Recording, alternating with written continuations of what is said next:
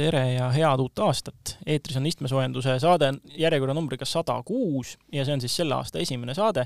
stuudios oleme jätkuvalt autoajakirjanikud Indrek Jakobson. head uut aastat ka minu poolt! ja mina, Veli Rajasaar.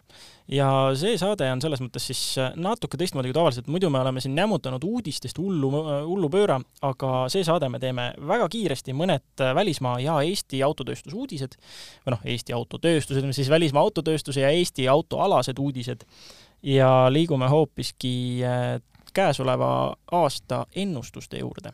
ja nendest siis äh, juba päris pikalt, aga alustame kohe turpsiga nende uudistega, et esiteks Tesla äh, neljanda kvartali tulemused on käes ja nad tootsid ja tarnisid oodatust rohkem autosid, isegi kõige optimistlikumad analüütikud ei suutnud seda päris ennustada, et Tesla neljandas kvartalis tarnib uutele omanikele üle kolmesaja tuhande auto.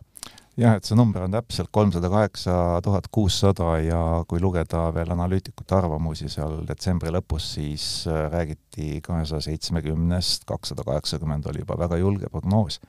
et äh, nagu näha, info püsis ilusti majas sees ja Tesla tegi tublit tööd aasta kogutulemuseks jäi üheksasada kolmkümmend kuus tuhat. peaaegu miljon täis, väga hästi. seda on kaheksakümmend seitse protsenti protsenti rohkem kui mullu.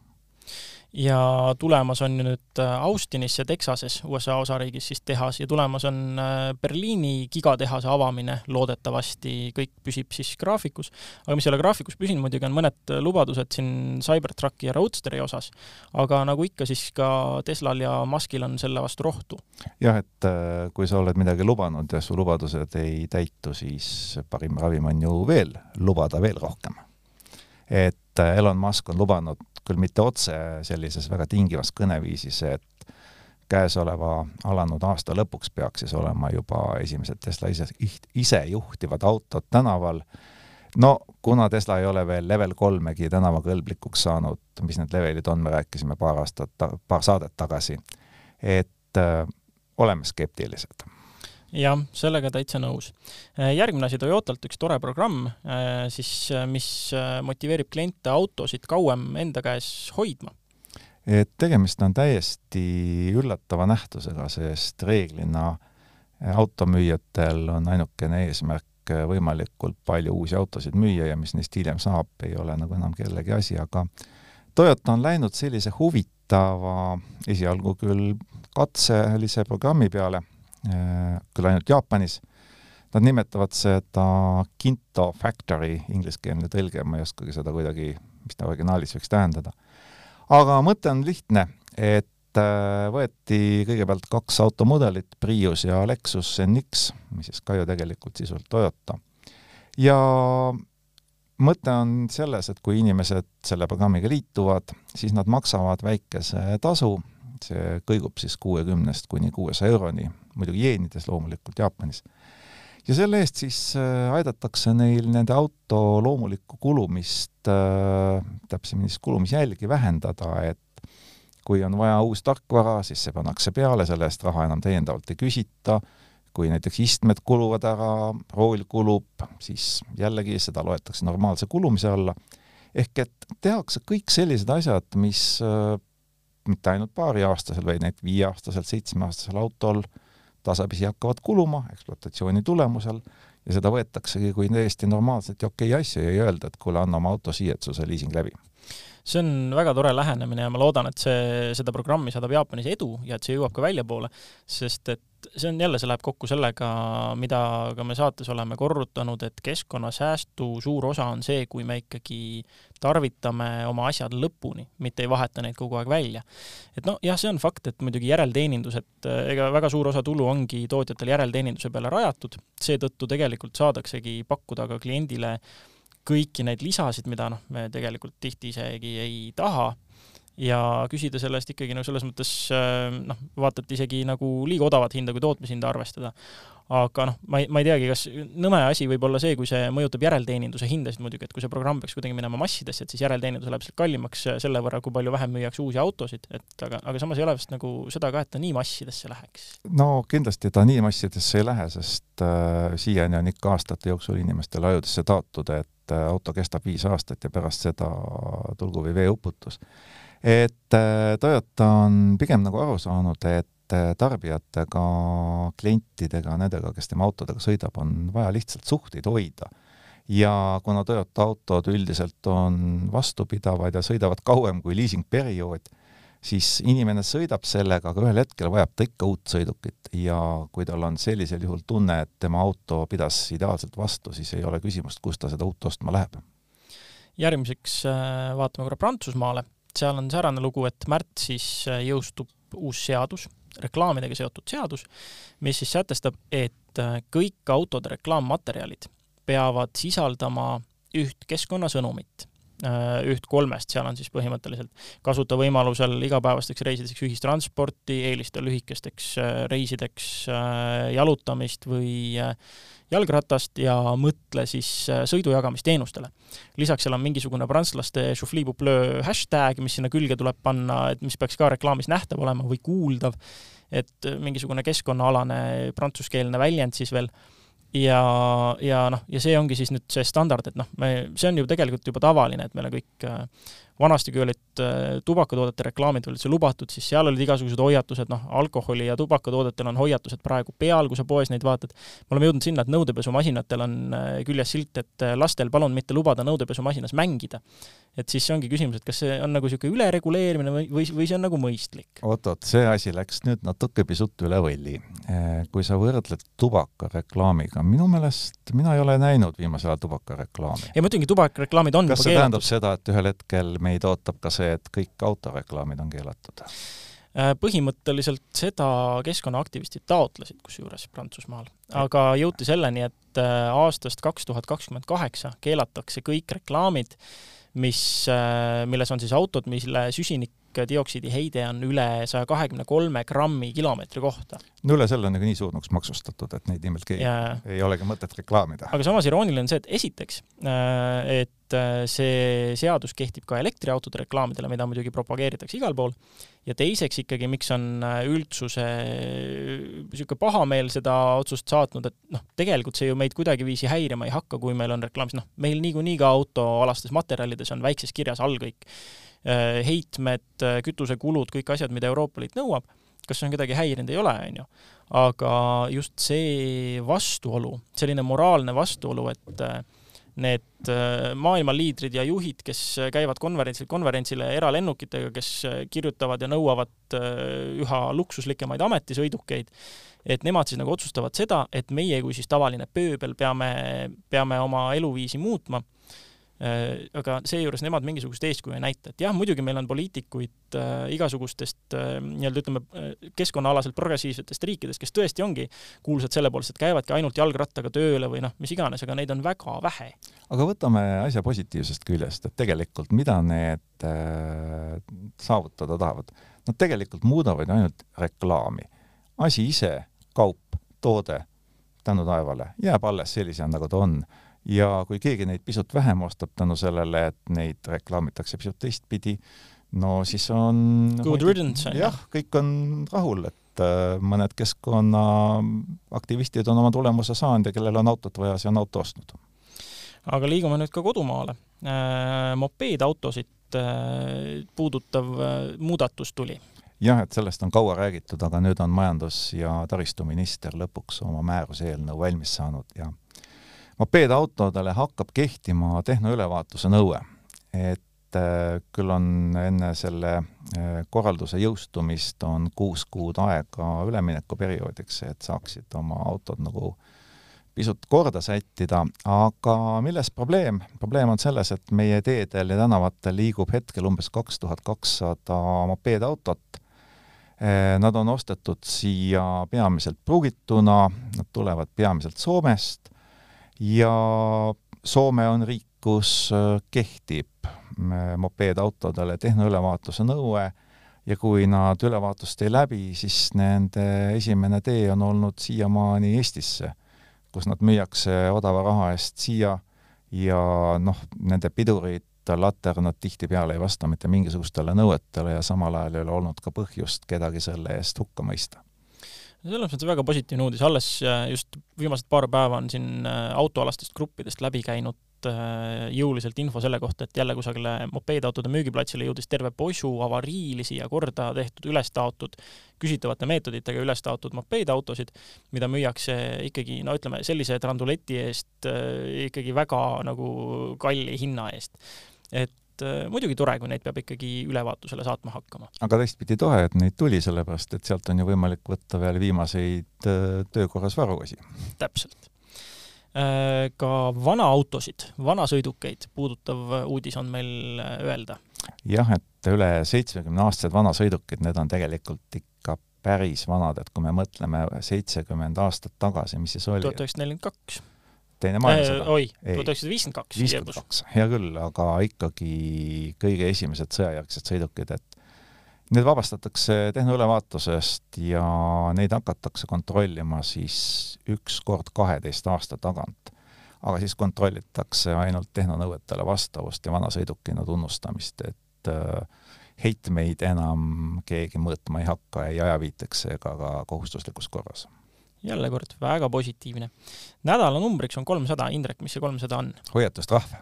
Assa et Äh, nüüd on ju teatavasti kohalikel omavalitsustel võimalus paigaldada kiiruskaameraid. rahamasinaid, jah no ärme nüüd ütle ikka, pigem on tegemist liiklust rahustava ja liiklusohutust suurendava meetmega. Jah, õige, vot ajasin väga sarnased terminid sassi, rahamasin ja liiklust rahutav me-, rahustav meede. just, täpselt. ja kuna kohalikud omavalitsused võivad saada poole trahvitulust endale, siis on nende motivatsioon ilmselt liikluse rahustamiseks veel suurem aga kolmsada on siis see maksimaalne hoiatustrahvi summa, mida selle kaamera teha võib, et siiamaani on see olnud sada üheksakümmend eurot. aga see ei ole veel kõik, nagu öeldakse. et äh, ka mõjutustrahvi puhul määrad tõusevad. et äh, kaheksakümmend eurot oli see eelmisel aastal ja nüüd saab see olema sada eurot.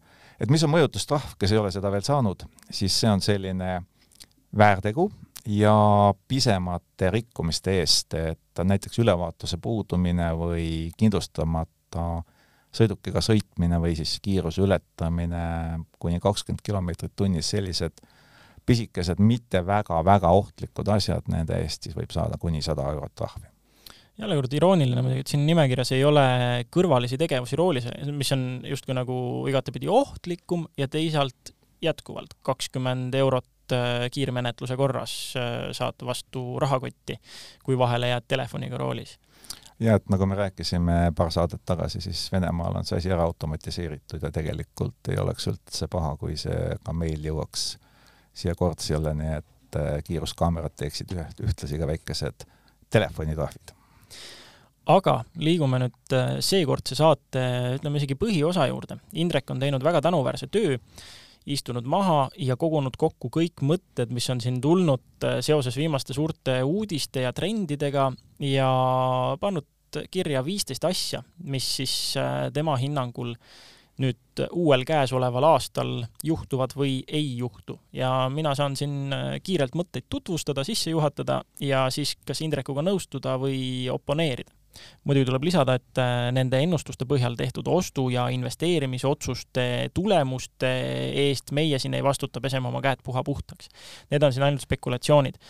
ja esimene asi, mida ennustada, on siis see, et äh, elektriautode kõrgepingeakud ei, ei odavne ikkagi selle aastaga siin, et kõrgepingeakude hinnapõhi on ära olnud. tahkesakud äh, kahekümne teisel aastal tootmisesse ei jõua ja selle tulemus on see, et elektriautode hinnalangus, mida me oleme näinud siiamaani kogu aeg, et sellel on samamoodi lõpp ja elektriautode hinnad hakkavad samamoodi tõusma ja tõusma hakkavad mitte ainult nüüd otseselt aku valmistamiseks kasutatavad toorained, vaid ka kõigi muude toormete hinnad. et see maagiline saja Ameerika dollari piir ühe kilovatt-tunni kohta see jääb enne tahkisakkude tulekut püüdmatuks ja seda, et tahkisakud ei tule, see on meile ka selge, nii et põhi on läbi ja elektriautod hakkavad uuesti kallinema. ja olen täiesti nõus, kõik trendid viitavad praeguse seisuga ka sellele. Järgmine ennustus on äh, seega sellega seotult äh, osalt, et särtsukate läbimurret ei tule veel seekord, see aasta. Jah, et sellest rääkisime ka paar saadet tagasi, kui võtsime kokku oma sada saadet ja tulemus oli see, mida me oleme juba näinud, et äh, elektriautode populaarsus kasvab kiiresti ja neid toodetakse üha rohkem, aga läbimurret, kus nende osakaal turul hakkab olema veerand, pool, võib-olla rohkemgi, seda ei tule. et ainsana võib seda turgu veidikene liigutada Tesla oma Model kolmega, võib-olla ta teeb seda, võib-olla ei tee ja me peame arvestama, et samas kõik vanad autotootjad Volkswageniga eesotsas ponnistavad ühiselt Tesla vastu ja ponnistavad ka selle vastu, et hiinlased oma elektriautodega väga hästi siin Euroopa turule ei tuleks. aga see ei tähenda muidugi, et elektriautode turuosa, pean siis silmas seda turuosa, mis puudutab uute autode müüki, et see ei või kasvada kahekohalise arvu protsente, kindlasti kasvab, võib-olla isegi kolmekohalise aga tuleb arvestada, et baas, millelt tullakse, on väga-väga madal. ja samas muidugi üks positiivne faktor, mis äh, toetab elektriautode laiemat levikut järgmisel aastal, on üks kiibikriisi väga paljudest aspektidest, et kui tootjatel on võimalik valida, milline auto toota ja selge on see, et kõike nad toota ei saa, siis päris tihti hakatakse valima elektriline suund. Nüüd selle ennustuse osas jällegi ei saa kuidagi oponeerida, need vähesed riigid, kus elektriautode niisugune turu ja noh, uute elektriautode müük on teinud läbimurde, teevad seda ikkagi toetuste mõjul ja neid toetuseid plaanitakse hakata uuesti koomale tõmbama, et ei, ei lähe see pilt selles vaates positiivsemaks. Aga kolmas ennustus on, no ütleme nüüd, võtame natukene, tõmbame selga ilmaennustaja rüü ja teeme sellise tüüpilise eh, vaatame taevasse ja ütleme, ega ta ikka samaks ei jää ennustus, et elektriautosid saab olema rohkem. ja rohkem saab neid olema ja neid saab olema rohkem kui lisanduvaid laadijaid. pean silmas just siis eh, ennekõike kiirlaadijaid. ja see tähendab seda, et Äh, laadijate juures, ma pean, mõtlen silmas jälle üldkasutatavaid laadijaid, hakkavad tekkima probleemid. ja tõenäoliselt jõuavad need probleemid järgmisel aastal päris paljude elektriautode kasutajate teadvusesse. et esimene asi on see, et hakkavad tekkima järjekorrad. Mustamäel näiteks praegu on hommikul praktiliselt võimatu autot panna aeglaselt või poolkiirelt, kuidas võtta, Type kahega laadima sest äh, seal on ees kas Elmorandi autod või siis ka elektritaksod. et äh, mida see tähendab, kas siis suurte elamurajoonide inimesed jäävad sellest elektriautodele ülemineku muutusest välja, kui neil ei ole võimalik osta autot ega seda kusagil laadida, sest seal on juba rendiautod ees. raske öelda, aga probleem on olemas ja see probleem puudutab just ennekõike suuri elamurajoone, korterelamuid, kus on palju inimesi ja kus peaks olema just võimalik siis ka paljudes kohtades laadida, et neil ei ole ju võimalust seda kodus teha. teine aspekt, mis laadijate puudus on väga nagu selgelt välja tulnud, on see, et neid ikkagi ei ole mujal kui Tallinn-Tartu ja Tallinn-Pärnu lõigul. et äh, suured linnad on üsna hästi kaetud, vana Elmo laadijate võrk, mis on kümme aastat vana, samamoodi katab üsna ühtlaselt Eesti ära aga kui me vaatame CCS standardiga kiirlaadijaid, siis no neid ei kiputa eriti mujale parkima või vabandust, paigaldama. et äh, loomulikult äh, laadijate paigaldamine on äri, seda ei pea keegi tegema kahjumiga, aga praegusel hetkel tundub küll, et inimestel pole asja mujale kui Tartusse ja Tallinna. teist otsapidi vaadates, aga kui laadijaid mujal ei ole, ega neil ei tekigi asja sinna, et lõpuks hakkab põhjus ja tagajärg nagu sassi minema kolmas aspekt, mis selle laadijate puuduse juures on juba ammu kõigil teada tegelikult, on see, et CHAdeMO standard jääb kõigile jalgu. kuna viimane Nissan Leaf kaob varsti müügilt, sellest oleme rääkinud, tuleb ilus linnamaastur selle asemel. aga uued Nissanid tulevad juba kõik CCS pistikuga ja see tähendab seda, et äh, uusi autosid, kes kasutaksid CHAdeMO standardiga laadijaid, enam ei tule. aga praegune võrgustik on tehtud kümme aastat vanade standardite järgi ja Enefit Volt seadistab laadijaid ümber küll, aga see protsess on ikkagi väga aeglane ja probleemid tekivad palju kiiremini.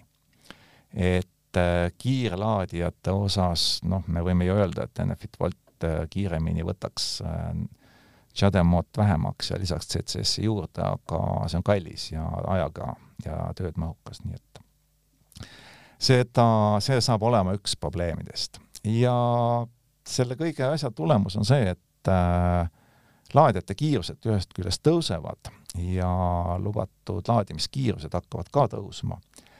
aga see hakkab muutuma kallimaks, et just värske uudis oli, kui Enefit Volt kehtestas kaks uut hinda, laadimiskiirus kuni viiskümmend kilovatti on siis kakskümmend üheksa senti üle viiekümne kilovatti kolmkümmend üheksa senti.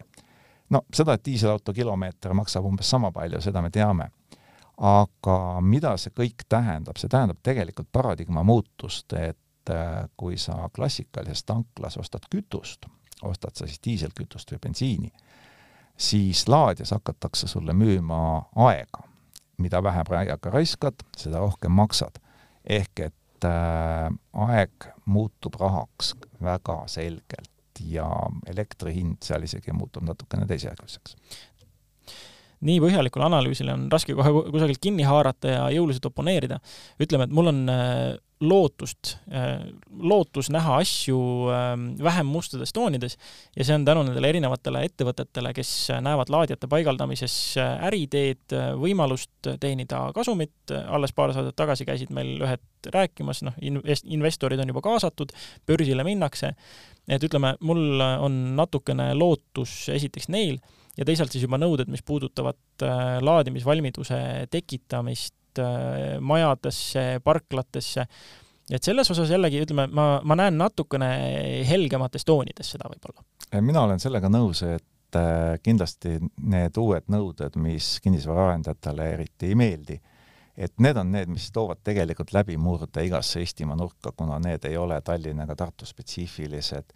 ja kui seal tekib suur hulk poolkiireid äh, laadimiskohti, siis see on tegelikult see, mis võimaldab elektriautoga sõita ka Tallinn-Tartu liinilt kuhugi veidi kaugemale. liigume ennustuse juurde number neli. diiselkütuse, ütleme siis, demoniseerimine jätkub. jah, et äh, seda me oleme näinud juba alates Dieselgate'ist kahe tuhande viieteistkümnenda aasta lõpust, ega siin midagi uut ei ole meie ennustus on see, et diiselkütus mootorikütusena jätkab langustrendi, see toimub Eestis, see toimub Euroopas, aga oluline on märkida, et see puudutab ainult uusi autosid, et kui me vaatame seda, missugune on nende autode läbilõige sellest, mida Eestisse tuuakse pruugituna, siis diiselmootoriga autod domineerivad ja jäävad domineerima. aga huvitav on see, et tegelikult on jällegi selline subjektiivne aspekt Euroopas avalikult, meil pisut vähem avalikult, on tekkinud selline mõiste nagu diislihäbi. et see on hästi sarnane sellega, mis oli paar aastat tagasi lennuhäbi, rootsi keelest tulnud sõna ja päris äh, palju inimesi rääkis äh, uhkusega, kuidas nad ei lenda, sest neil on lennuhäbi. ja nüüd on ka see jõudnud tegelikult juba päris mitu aastat autotootjateni, et need, kes toodavad diiselmootoreid, need on neid autodele paigaldades igasuguse viite kütuseliigile vaikselt kõrvaldanud, et kui me vaatame näiteks Volkswagenit, siis vanasti võis näha erivärvilised TDI, äh, tähistas siis erinevas forsseeringus diiselmootorit, need on kadunud, kui sa näed Volkswagenit taga sõitmas, siis on seal ainult Blue Motion või Neli Motion ja siis sa võid ainult aimata, et ilmselt on seal siis diiselmootor kapoti all, aga see on ka kõik, et keegi enam sellekohaseid viiteid auto tagasiluugile ei paigalda samas on positiivseid arenguid olnud parafiinsete diiselkütuste osas jällegi ja see, et nüüd moodsaimatele standarditele vastavad diiselmootorid saavad ka selliste kütuste peal toimetada. et äh, jällegi natukene positiivset siia juurde, aga laias plaanis äh, muidugi see demoniseerimine jätkub, sellest on kahju, aga sinna ei ole midagi parata jah, et ega siis äh, see demoniseerimine ei tööta ju mõistuslikul baasil, vaid see töötab sügavalt emotsioonide peale, et kuna ühe väga suure skandaaliga öeldi ära, et diisel paha, siis äh, rohkem polegi vaja. ja no umbes nagu Angela Merkel pärast Fukushima katastroofi otsustas, et äh, Saksamaa peab äh, tuumaenergia lihtsalt kinni tõmbama, et üks vast vastuolulisemaid otsuseid tema karjääri jooksul, aga see, see on materjal mõneks järgmiseks saateks. aga lähme ennustuse juurde number viis kiibikriis leeveneb aga väga vähe. Ja eelmise aasta märksõna või vähemalt üks väga paljudest märksõnadest oli ju kiibikriis, et kogu aeg oli probleem, kiipe ei ole, kiipe ei ole. me räägime sellest äh, vast järgmises saates natuke põhjalikumalt, äh, aga mida me järgmiseks aastaks võime ennustada, on see, et ega siis põhjused, mis selle kriisi tekitasid, ei ole mitte kuskile kadunud. aga uute tootmisvõimsuste loomine võtab paar aastat aega, et me saame rääkida küll selle kriisi ületamisest reaalselt mingi kaks tuhat kakskümmend neli, kaks tuhat kakskümmend viis. aga praegusel hetkel on defitsiit, äh, autotootjad ei jaksa elektroonikatootjaid üle maksta, noh, või kui nad jaksaksid, nad ei soovi kogu oma kasumit sinna ära anda, ja nad teevad siis äh, lihtsalt olude sunnil, teevad väikesi valikuid oma mudeligammas, toodavad neid, mida annab toota ja teevad äh, siis omakorda kiibitootjad väikesi järeleandmisi, et noh, autotootjad on suured kliendid, aga viletsad kliendid ja noh, kui võrrelda autotootjat äh, elektroonikatootjaga, siis autotootja on ikka selline kehvapoolne, kelle käest kasumit ei saa. jah, no täpselt, kui me saame, kui me räägime siin aastas umbes sajast miljonist uuest sõidukist versus äh, miljarditest äh, erinevatest kas või telefonidest, iPadidest ja muudest asjadest, mida sa käes hoiad ja näperdad ja kus on neid samu ränikiipe, et siis ilmselgelt on nagu näha, et kes see, kes see suurem ja, ja prioriteetsem klient kiibitootja jaoks on. Ja teine asi on see, et need autod, noh, autod, millele siis kiip või ütleme, kui autotootjate kätte kiibid jõuavad, siis äh, jõuavad need üldiselt, nagu sa juba eelnevalt mainisid, kas elektriautodesse või äh, lihtsalt äh, kõrge varustustasemega autodesse, kus on kasumimarginaal tootjale suurem et jälle kord see, et äh, prioritiseeritakse siis seda raha, mis nende kiipide eest lõppkokkuvõttes nagu tagasi saab.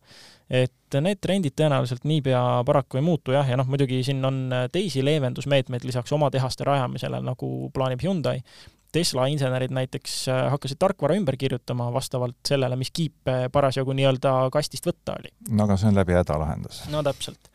et jälle kord pean olema nõus, ei saa kuidagiviisi oponeerida ega öelda, et sul ei ole õigus kuues ennustus. hiinlased tulevad küll Euroopa turule, aga ikkagi tasa ja targu. jah, et äh, hiinlastel on kombeks asju teha väga pika aja perspektiiviga. ja kui me vaatame, mm, kuidas nüüd Hiina tootjad äh, Euroopa autoturule tulevad, siis äh, nad teevad seda hästi tasakesi. Norra turul muide, noh, me ei loe Norrat, kuna Norra ei ole Euroopa Liidu riige, et Norra turul on nad juba kohal Venemaal on nad väga kõvasti kohal, aga Euroopa Liitu sisse nad eriti ei tule veel. et mida me teame, me teame, et Great Wall, üks suurtootja, tuleb järgmine aasta Euroopasse ühe oma suure linnamaasturiga, noh, ta on vähemalt lubanud tulla, aga näiteks BYD ehk siis Hiina suurim autotootja, eh, seda just eh, oma väärtuselt, praegu näiteks mõtleb veel Eestis meil on CRS3 kohal, mõned äh, autoajakirjanikud on temaga sõitnud, hinnangud on sellised, et noh, see on tore auto küll, aga mitte selle raha eest. Jah, põgusalt olen, pole ise proovisõitu sellega pikemalt teinud, aga juba selles autos viibimisest piisas, et aru saada, et noh, see keemia ja plastikulõhn ei peaks võib-olla päris nii tugev olema, et seal oli ikkagi juba selles, juba autosse istumise elamuses oli nagu puudujääke. samas vaadates, kui suure hurraaga lähevad Euroopa tootjad Hiina turule ja Tesla jaoks on ka ju Ameerika ja Hiina on kaks kõige suuremat turgu, BMW oma neerudega tahab Hiina turgu üha enam vallutada, Volkswagen teeb oma uusi elektriautosid selle, selle, just selle eesmärgiga, et neid ikkagi hiinlastele maha parseldada ennekõike ja me, eurooplased, jääme siin justkui nagu vaeslapse rolli mingis mõttes siis äh, noh, hiinlased jah, äh, niimoodi nii-öelda vastuteenet tegema väga ei kiirusta. no hiinlased on tegelikult aru saanud, et Euroopa turg ja eurooplase maitse on natukene teistsugune ja see erineb sellest, mida nad müüvad koduturul ja selleks, et nüüd selle kultuurilist äh, veelahet ületada, on vaja katsetada, aga seda katsetada on vaja väga ettevaatlikult ja sellepärast suurtootjad teevadki, teevadki seda hästi tasa ja targu. noh, samas müüakse Hiina turul ju ammugi selliseid autosid, millest meie siin võime ainult äh, suud vesistada, olgu see siis näiteks kas või ID6, ehk et Volkswageni sisuliselt elektriline tippmudel, mida Euroopasse ainult lubatakse, aga pole veel ühtegi nähtud siin. ennustus seitse on see, et oodatakse, et lõhkevad kõik need Äh, elektriautotootjate mm, kõrgete aktsiahindadega seotud mullid, et äh, Tesla oma triljoni dollariga ja Rivian, kes on tootnud nüüd, kas on, kas on kolmkümmend autot juba käes või? et äh, on, on. on jah? jah, kahe mudeli peale kokku. jah, et siis, siis, et nende mull siis lõhkeb, aga sa arvad, et, et seda ei juhtu ikkagi? mina arvan, et seda ei juhtu, et et äh, alles eile oli see, kui Tesla aktsia hüppas kolmteist ja pool protsenti, et noh, seda loomulikult ei saa pidada normaalseks igapäevaseks liikumiseks, aga jah, see oli kvartali tulemuste tõusu ja, peale. jah, aga see on normaalne, et aktsia hind reageerib kvartali tulemustele. aga selliseid kriisiennustajaid on maailmas ju alati olnud ja on ka edaspidi ja seda väikest või isegi suurt kadedust Riviani peale, et äh, nii edukalt äh, sai raha kaasatud nii suurtes summades noh, kõik tahavad järgmist Riviani teha ja kui ei õnnestu, siis, äh, siis öeldakse, et küll see mull varsti lõhki läheb. noh, me ei saa keegi ennustada, et seda ei juhtu, et kui tuleb korrektsioon, siis see tuleb laiapõhjaline, noh, kui me suudaksime seda ette ennustada, siis me oleks sammu palmi all, mitte ei räägiks siin ja kolm põlvkonda takka pihta ei peaks enam tööd tegema, et see on selline asi, mida ennustada ei saa, mida võib ainult vaadata, et kas on see nii või naa, aga selge on see, et ega see elektriautode sektor mingi eriline mull ei ole võrreldes kogu ülejäänud finantsturgudega. jaa, vaadates, kuidas äh, Tesla kogub hoogu, Rivian kogub ka hoogu, siis ähm, nende puhul noh, isegi ja, ja näha on, et hoolimata siin nii-öelda murtud lubadustest Elon Muski poolt seoses kas või nende sama eelmainitud Cybertrucki ja Roadsteriga, jätkuvalt rühib edasi, on ju, aastane toodang on praktiliselt miljon äh, ja nad sihivad äh, iga aasta niisugust viiekümne protsendist kasvu, praegu kvartali tulemusi vaadates ei ole see üldse mitte võimatu, et äh, sellist tempot hoida ja eriti arvestades uute tehaste avamist, et siis mi-, mis peaks juhtuma, et et see Tesla hind uuesti nii-öelda alla triljoni kukuks, ma ei kujuta ette. no tegelikult ta vist vahepeal isegi käis korra, aga no siis, kui Elon Musk tegeles hoolega oma aktsiate müügiga, et siis ta tõepoolest, Tesla aktsiahind käis isegi alla üheksasaja, ma jälgin seda igapäevaselt. aga no see oli ajutine nähtus, jaa, täpselt, ütleme, et see nende nii-öelda ballpark on paigas, et nüüd nad on triljoni dollari firma ja ega siit mingisugust jõulist langust ei tule, kui tõesti ei juhtu mingisugust kataklüsmilist sündmust öö, tippjuhiga või mis iganes, et siis, siis see tõenäoliselt ikkagi rühib ka edasi. kas kataklüsm on ka see, kui tipp, tippjuht otsustab lihtsalt las-, lahkuda kosmoseärisse? jah, nojah, see on jällegi niisugune asi, et, et see ka tõenäoliselt äh, Tesla fännidele ainult äh, annaks äh, hagu juurde. aga ennustus kaheksa, et kaovad meie nii-öelda ütleme rohkem monokromaatilisemad värvivalikud autode hulgast ja tulevad igasugused sellised äh, erivärvid, praegu ka, kui vaadata uudismudeleid, siis igasugused sellised kaakitoonid ja mingid erivärvid, mingisugused jõulisemad kollased ja mingisuguste ulmeliste varjunditega igasugused lahendused on ilmunud ja kreemi ja koore värvid ja beežid ja noh, mis iganes, et sellist tavalist ähm, valge-must-hall enam nagu väga ei, ei paista trendikana. et hall metallik kaob koos diisliga?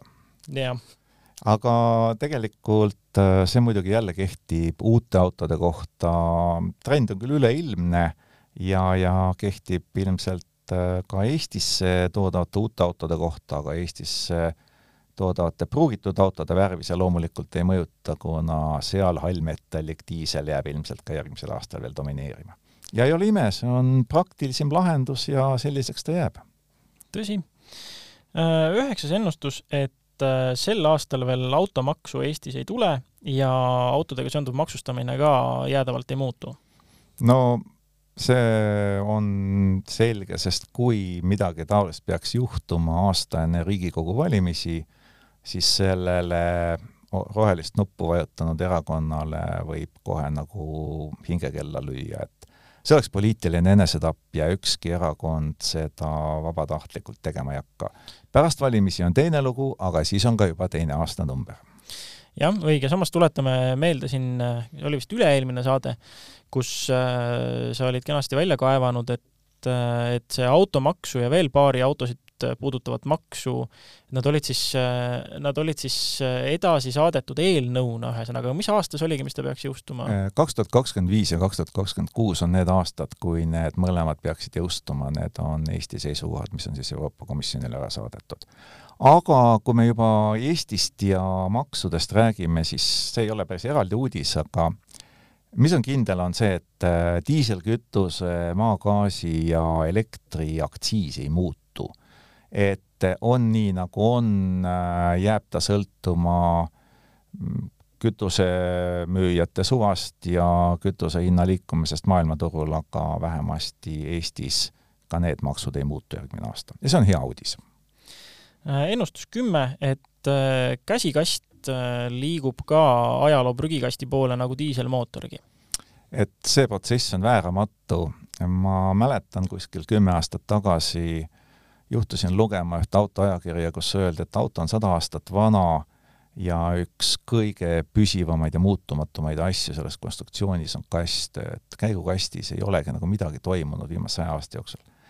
ja see aeg on läbi saamas ja tegelikult Äh, Eestis on ta lihtsalt äh, väga reljeefsemalt väljendunud, Ameerikas on ta ammu kohal, leida käsikastiga sõita oskavat ameeriklast on juba päris keeruline. Ja juhilube tehakse üha enam ainult automaatkasti kasutamise märkega ja juba vist aasta-paar tagasi kaheksakümmend protsenti uutest autodest osteti automaatkastiga, noh, see aasta on see veel enam, ehk see on selline süvenev trend, kas see on mõistlik või mitte aga see on nii, see trend on vääramatu ja ma olen päris kindel, et see jätkub ka algaval aastal. ja ütleme, empiiriliste andmetega ikkagi ei vaidle, aga äh, sellega, ma lisan siia selle reservatsiooni, et äh, aga jällegi, seda ei tule see aasta muidugi, et kui vesinikpõlemismootoriga autod peaksid saama ka äh, mingite tootjate mudelivalikusse täitsa seeriatootmise autodena, siis ma arvan, et see uus käsikast või uute, käsikast uutes autodes võib veel natuke aega nagu jätkuda, aga see on jällegi mitme aasta teema, et see on niisugune entusiastiautode teema, et muus osas muidugi täiesti nõus, eks nad, eks nad paraku kaovad. aga üheteistkümnenda ennustuse juurde, et äh, automüük liigub netti ära agentuuridele ja ei ole seda müügisalongis nii väga enam lonkimist ja, ja seal vaatamist ja kohvitamist müügimehega, vaid äh, müük muutub jah, et äh, Tesla on selles osas olnud teerajaja, meeldib see meile või mitte, meeldib see automüüjatele või mitte, aga selge on see, et edasimüüja, diileri roll jääb järjest väiksemaks ja noh, loomulikult see ei tähenda seda, et järgmisel aastal pannakse autoesindused kinni, kaugel sellest. Aga väheneb kauplemine automüüja juures, kuna kauplemisruum tõmbub lihtsalt kokku noh, automüüja ütleb take it or leave it, eks ole, siin on need kuus autot, sul on võimalik valida kõigi nende hallmetalliku värvide vahel ja kõigi nende ühesuguste diiselmootorite vahel. kui ei sobi, oota kolm aastat. jah, palun väga, ja noh, aastaga loomulikult kogu automüüki pea peale ei pööra, aga Tesla on suuna ette näidanud ja noh, mis edasi saab ja kuidas margiesindused ellu jäävad, see on keeruline küsimus, see on pika aja küsimus, aga kaks tuhat kahekümne teine aasta on lihtsalt üks samm selles pikas reas, aga väga selgelt sinna suunas, et äh, ka autode müük hakkab lõpuks internetti ära kolima. Jah, jällegi väga märgatav trend, märgatav trend on ka see, et äh, auto omamine kui selline äh, muutub natukene ka, et jällegi meil on käinud sel teemal rääkimas saatekülalisi, me oleme seda ise rääkinud, et kogu see niisugune Äh, kuumaksupõhine või liitumispõhine teenus auto omamisel, rendiautod, auto jagamised, et kõik see saab rohkem standardiks kui selle üha kallineva ja paraku luksustooteks muutuva sõiduki omamine ikkagi ähm, noh, ühesõnaga see muutub mõistlikumaks, et see on siis ennustus kaksteist.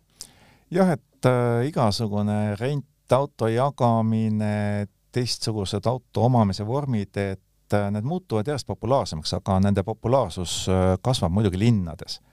Ja see on üleilmne trend jälle, kusjuures Eestis tänu hajaasustusele ja nõukogude ajast pärit konservatiivsusele, et mul peab ikkagi auto olema, mitte rentima ja kõik need kõnekäänud auto ja rooli väljaandmisest sõbrale, et äh, noh, see on oma konservatiivsuse pagas, millega me elame, et selles mõttes siin on neil raske tulla, aga noortel inimestel seda taaka küljes ei ole. Kas sellest protsessist võidab nüüd kõige rohkem Bolt, Citybee või keegi kolmas, seda me siin ennustada ei oska, aga võidavad kõik, kes pakuvad teistsugust autokasutuse mudelit võrreldes siis traditsioonilise ostuga ennustus kolmteist, et autod muutuvad lihtsamaks igasuguse lisavarustuse ja kompuutrite ja muu jura mõttes. Ja see on jälle asi, mille on kaasa toonud kiibikriis, ma kohe ette nõustun selle punktiga ära ja mulle väga tegelikult see selline asjade areng meeldib. et äh, siin on tegelikult kaks täiesti vastandlikku trendi ja ühes punktis koos ja täiesti raske on öelda, et kumb siin neist peale jääb aga mis need trendid on, üks on see, et autod muutuvad lihtsamaks selles mõttes, et neile lisatakse üha vähem lisavarustust, kuni selleni, et äh, mõned võtavad start-stop süsteemi pealt ära, mis äh, teatavasti muudab oluliselt raskemaks CO2 normide täitmist, kus see väga oluline ei ole. aga tulemus on see, et klient saab seda, mida ta on tellinud ja mitte midagi liigset, mis on tegelikult väga tore, et sellest me oleme kõik unistanud aga samas äh, kasvab tehase tellimuste roll, ei osteta jälle sadu autosid platsi peale seisma ja ei anta müügimeestele käsk see maha müüa. et äh, tehase tellimus tähendab seda, et kliendil on võimalik saada kõike seda, mida ta soovib. nii et äh, kumb peale jääb, kas nõudlike klientide poolt soovitud lisavarustus või vähenõudlike klientide poolt soovitud sellised suhteliselt plangud autod, see ei ole ette teada, aga igal juhul on inimesed õnnelikud selle üle, et nad hakkavad saama seda, mida soovivad ja maksavad selle eest, mis nad tahavad ja ei maksa selle eest, mida nad ei vaja. nii et kiibikriisil on ka häid külgi. jah, vähem nuppe, mida jälle iga kord autosse istudes äh, litsuda, et mingeid jurakaid välja lülitada, kes piiksuvad, karjuvad ja teevad muid lolluseid äh, ennustus neliteist, see on äh, säärane lugu, et kui meil siin mingil hetkel tundub pigem, et autotootjad otsustasid, et nüüd kliendid tahavad hullult linnamaastureid ja vajavad neid lausa. Ja siis müüsid selle idee äh, igal pool laiapõhjaliselt maha, siis äh, noh, nüüd oleme me jõudnud nii kaugele, et igasugused äh, sportautode tootjad a la Ferrari, Lotus äh,, kes ei ole kunagi oma jalga isegi linnamaasturite noh, nad, nad on hoidnud eemale sellest pühaduse teotusest, siis isegi nemad on läinud seda teed, et nende linnamaasturid on tulemas ja nüüd paistab, et autotootjad on otsustanud, et me vajame hoopis midagi muud.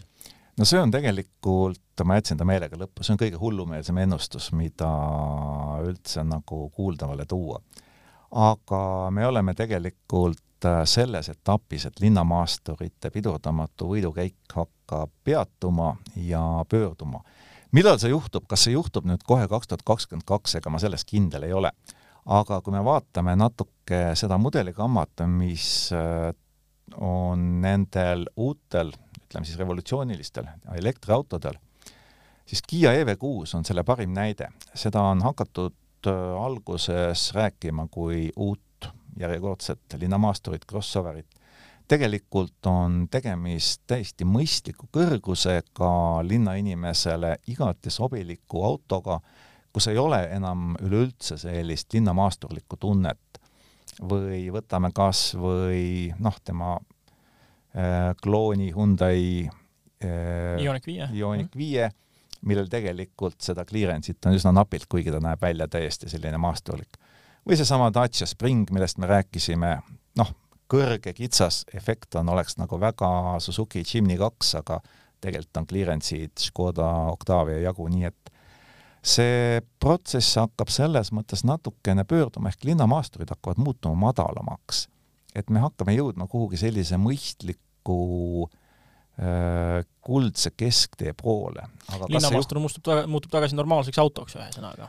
jah, ja loomulikult äh, me ei pea autosse istumiseks enam roomama, pugema, auto ees küürutama, et äh, seda võime teha teatud autode puhul, MR2-l on see normaalne, aga Hyundai Ioniq viie puhul see ei ole normaalne. no ongi osalt nomenklatuuri semantika küsimus, aga teisalt on näha küll seda trendi, et äh, üha rohkem on äh, igasuguseid laugpäraga asju ja tõsi, nad on, üritavad välja näha ikkagi nagu linnamaasturid, aga küll nimetatakse kupeemaasturiteks ja no igasuguseid selliseid oksüümoroneid on juba tulnud.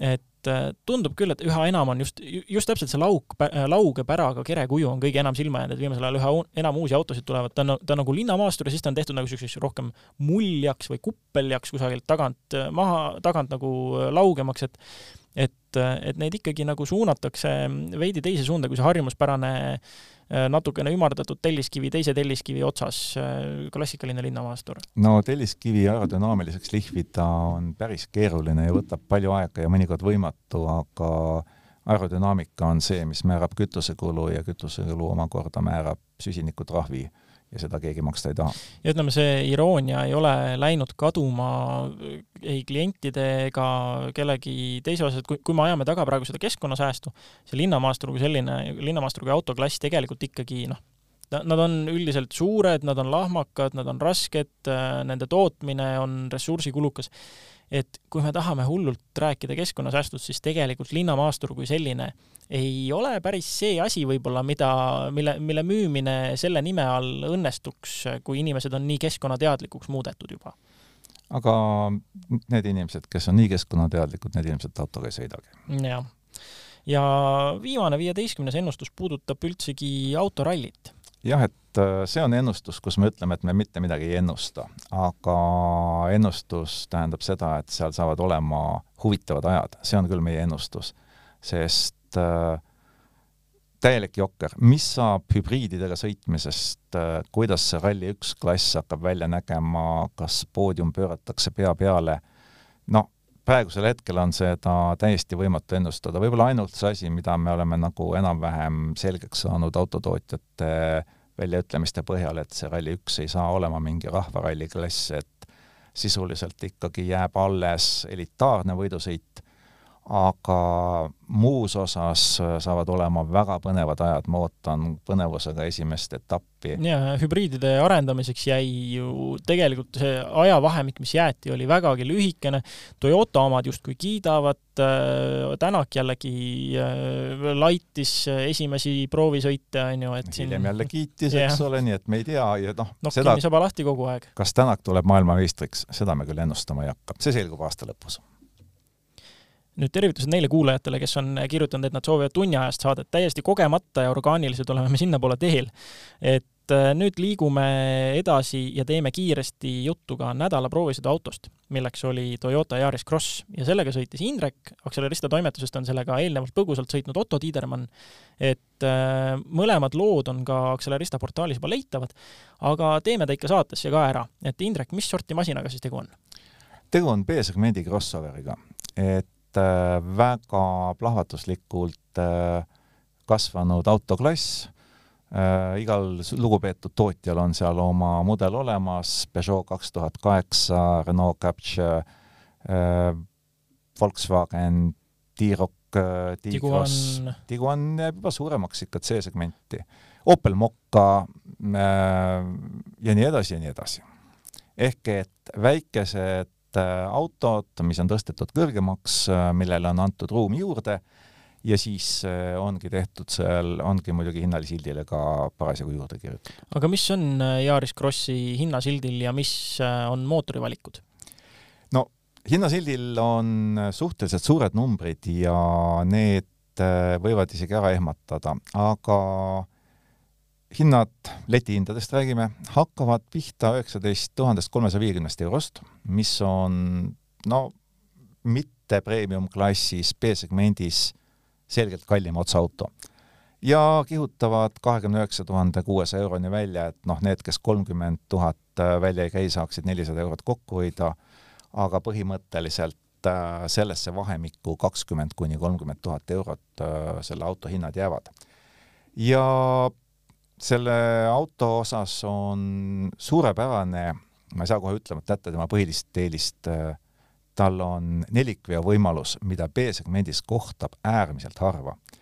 et kui ma hakkan praegu mõtlema, kes äh, veel nelikvedu üldse pakuvad, siis peale Dacia Dusteri, mis võib noh, tinglikult lugeda B-segmendi autoks, siis ega hetkel nagu eriti pähe ei tulegi aga kas Ajami valik toetab seda nelikvedu, mis on, mis, millest nad algavad ja milleni välja jõuavad? Ajami valik on äh, üks äh, bensiinimootor ja odavamas versioonis sellega asi piirdub, see bensiinimootor veab esirattaid, klassikaline lähenemine.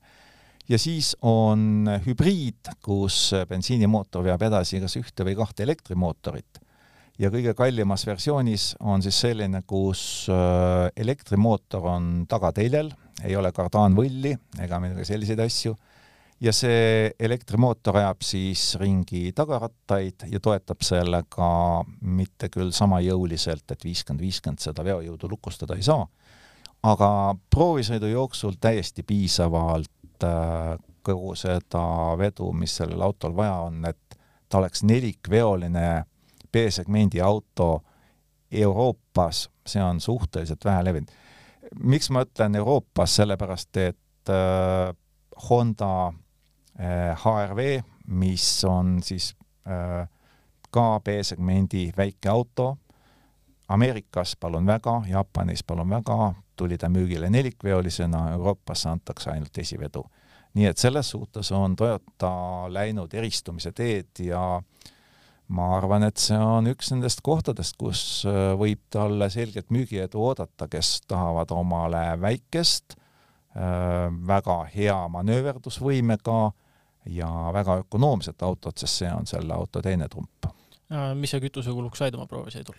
mina sain kütusekuluks viis koma üheksa liitrit sajale, et kui see number panna aastaringse kasutuse konteksti, siis ei ole see mingi number aga arvestada tuleb seda, et minu proovisõit oli kogu aeg miinuskraadides, seal oli päris palju lumesupi sees ukerdamist, eh, tõsi küll, enamus sellest möödus eh, linnas, mis on hübriidautole selgelt eelistatud keskkond. aga ikkagi sellistes talveoludes eh, viis koma üheksa saada praegusel hetkel ma sõidan teise hübriidiga, milleks on Renault Arcana ja seal vaatab mulle vastu kuus koma kuus. nii et äh, Toyota on suutnud oma hübriidi väga ökonoomseks ajada. Äh, sõitjate ruum, viimistlusmaterjalid, mugavus ja ruumikus? no ruumikuse osas saab öelda, et nelisada liitrit on pagasiruum ja see on täiesti okei okay kus ruumikus äh, täielikult puudub, on tagaiste. tagaiste ei ole liigutatav ja kui ka esiste enda järgi paika seada, siis sinna taha lihtsalt ei mahu. et kui me tegime loo jaoks pilte, siis äh, pidi võtma armatuurlaua pildid äh, Toyota ametlikult veebilehelt, sest noh, selleks, et teha armatuurilt pilti, on vaja minna taha istmele, aga sinna lihtsalt ei mahtunud aga igasugused mugavuslisad, elektroonilised abimehed, kõik need meie suured turundusargumendid, praegusel ajal suured ekraanid, kas on ikka nii, et on äh, tegu hiiglasliku tahvelarvutiga, millele on auto külge ehitatud? ekraan, ma mõtlen keskkraan, see on üheksatolline, mis on täiesti okei okay.. väga mõistlik. täiesti okei okay,, ei ole liiga suur, ei ole liiga väike ja sellega saab täiesti hakkama. ja kui rääkida mugavuslisadest, äh, siis LED Äh, maatriks-LED ei saa, LED-tuled on seal loomulikult olemas, äh, ise vahetab ta neid äh, lähituled, kaugtuled omavahel. Noh, suhteliselt aeglaselt, ma olen täheldanud, et üldreeglina inimene veel suudab praegu paremini hakkama saada, maatriks-LED-ide puhul mitte loomulikult. mis mulle meeldis sisemuses, on see, et palju nuppe on säilinud, need nupud on küll väikesed, aga nad on kinnastatud käega täiesti tabatavad Nad ei ole võib-olla nii intuitiivsed nagu näiteks Renault Capture'ilt, eks ole, et selles mõttes muidugi on natukene arenguruumi, aga nad on suhteliselt hästi leitavad, suhteliselt hästi kasutatavad. kui rääkida sisustusmaterjalidest, siis äh, ta on tugev, ta on kõva äh,, enamus, noh, kas nüüd enamus, aga väga paljud konkurendid kasutavad pehmemaid ja mõnusamaid materjale. et seal nagu hakkab silma selline natuke kas siis kokkuhoid või raske on isegi öelda, miks need äh, materjalid sellised noh, ja kas nad samas, kas nad on siis näiteks, ma ei tea, lihtsasti puhastatavad või? võimalik, aga see ei ole ju kaubik, et ja, seal me ei saa rääkida sellest, et armatuurlaud peab olema lihtsasti puhastatud. jah, no viimasel ajal see üks turunduse lemmikväljendeid lihtsalt on see aktiivse elustiiliga inimesele, et, äh, et siis oh jaa, seda see auto kindlasti on ja kui talle peale vaadata, siis äh, tema välisdisain on üks suuremaid trumpe, et ta seest on ju, näeb välja nagu tavaline Yaris, et ei midagi erilist, äh, väljast näeb äge ja suur välja. Äh, veel mugavusasjadest, äh, eelmine, eelmise saate lõpetuseks sai räägitud sellest igasugusest autodega seonduvast äpindusest. kuidas selle autoga on, kas ta on ka, kas ta on telefoni, telefoni pikendus? natukene on, aga telefon on siiski rohkem informatiivne, et päris elektriautode multifunktsionaalsusega ta ei hiilga aga mobiiliäpp on tal olemas ja lihtsamaid toiminguid saab sellega teha, nii et äh, kui teil on proovisõit plaanis, siis kindlasti paluge endale kõigepealt äh, mobiiliäppi tutvustada ja siis lähenege autole, mitte vastupidi. eelsoojendus on olemas? äpist mm. -hmm. Äh, siis äh, muud soojendused? muud soojendused jätavad soovida, et seal tuleb mängu nüüd see äärmine ökonoomsus, et kui me rääkisime, et tegemist on väga kokkuhoidliku autoga, mis võtab vähe kütust, see tähendab seda, et energiat ei raisata, aga see on omakorda põhjuseks seda, et seda soojust ei ole sinna salongi kuskilt võtta. et äh, kütteseade on nõrga võitu ja talvel on linnatingimustes selles autos suhteliselt jahe, nii et sellega tuleb samamoodi arvestada, et kui ta on soojas garaažis, ta võtad sealt välja, ta on soe, siis ta suudab seda temperatuuri hoida, aga miinus seitsme juures noh, Tallinna ühest servast teise sõites noh, rääkimata väiksemate vahemaade puhul, ta ei jõua lihtsalt soojaks minna, et sul on kogu aeg käpikud käes äh, käpikutest rääkides, roolisoojendus, kas siis seda ei ole? on ikka, aga roolisoojendus on väga huvitavalt lahendatud. et äh, ta on väga tugev, ühe minutiga hakkavad äh, käed tulitama, aga ta on ainult ühes kohas nagu saadaval, et see on see kümme minutit enne kahte, noh, kus reeglina kõige rohkem rooli hoitakse mm. -hmm. aga kõik allpool ehk siis kella üheksast kolmeni on kaetud plastikuga ja see on see, mis võtab kogu selle soojendusefekti ära, sealt on talt tagant soojendus tuntav. aga see ei ole piisav, et käsi soojendada, et keskosa jääb tuliseks ja alt jääb jälle külmaks. nii et see oleks tahtnud kindlasti pisut äh, läbimõeldumat lahendust. miks see plastik sinna on pandud, ma ausalt öelda aru ei saa. aga ju siis Toyota arvas, et see on vajalik. aga ütleme, üldine hinnang, kõigepealt nüüd siis sõiduelamus, sõidumugavus? sõiduelamus ja sõidumugavus sõltub hästi sellest, äh, kõigepealt, kas mootor on soe või külm mm.. kui mootor on külm, siis kolme silindriga küll bensiinimootor teeb hirmsamat häält kui mõni diisel. ta ikka otse lagiseb, ütleme. kui ta saab soojaks, äh, siis ta sõidab täitsa kenasti ja ei ole mingisugust häda. mis on kolmesilindriliste põhiline probleem? Nad vibreerivad. Äh, Toyota on mingi imenipiga saanud ta nii tasakaalu, et sul ei ole salongis viibides mitte kuidagi võimalik aru saada, et kas seal on neli või kuus või kolm silindrit, et täiesti vaikne, selles mõttes, et ei mingit vibratsiooni ei mingisugust sellist häirivat heli, mis viitaks kolmele silindrile. aga nagu sai öeldud, kolm silindrit, äh, koondvõimsus, kui on hübriidajam ka, siis on sada kuusteist hobujõudu ja odavamatel versioonidel ilma hübriidita üheksakümne ringis. siis äh, teatud olukordades äh, noh, kus on vaja tõus või kiirendus, siis see mootor, ta jääb lihtsalt hätta, sest ega auto on suurem äh,, hübriidajam kaalub, õhutakistus on ja siis, siis ta teeb päris sellist väga hädist häält, et hakkab ka kahju temast. Äh, see tasakaalu asi on täitsa huvitav asi, märge endale kodus uurimiseks, et kas lähevad, kas, mis tal on, kas need on tasakaalustusvõllid või, või lihtsalt väga ägedad mootoripadjad, et täitsa huvitav iseenesest, aga võtame siis kokku, üldine hinnang. üldine hinnang, äh, omapärane auto, äge auto nelikveoline auto soovi korral, mida ei saa mainimata jätta, kahele ongi neile inimestele, kes on aktiivsed, kes vajavad natuke rohkem pagasiruumi, kellel ei ole vaja suurt peret sinna autosse panna ja kes tahavad minna mõnikord pisut kaugemale, kui tavaline esiveoline auto seda võimaldab. nii et mõistlik, säästlik põhimõtteliselt ja omanäoline? jah, kui ostuhind ära ei ehmata aga tõmbamegi sellega tänase saate otsad kokku. Ei tule veel tundi aega täis. aitäh, et kuulasite, järgmise korrani! Kuulmiseni!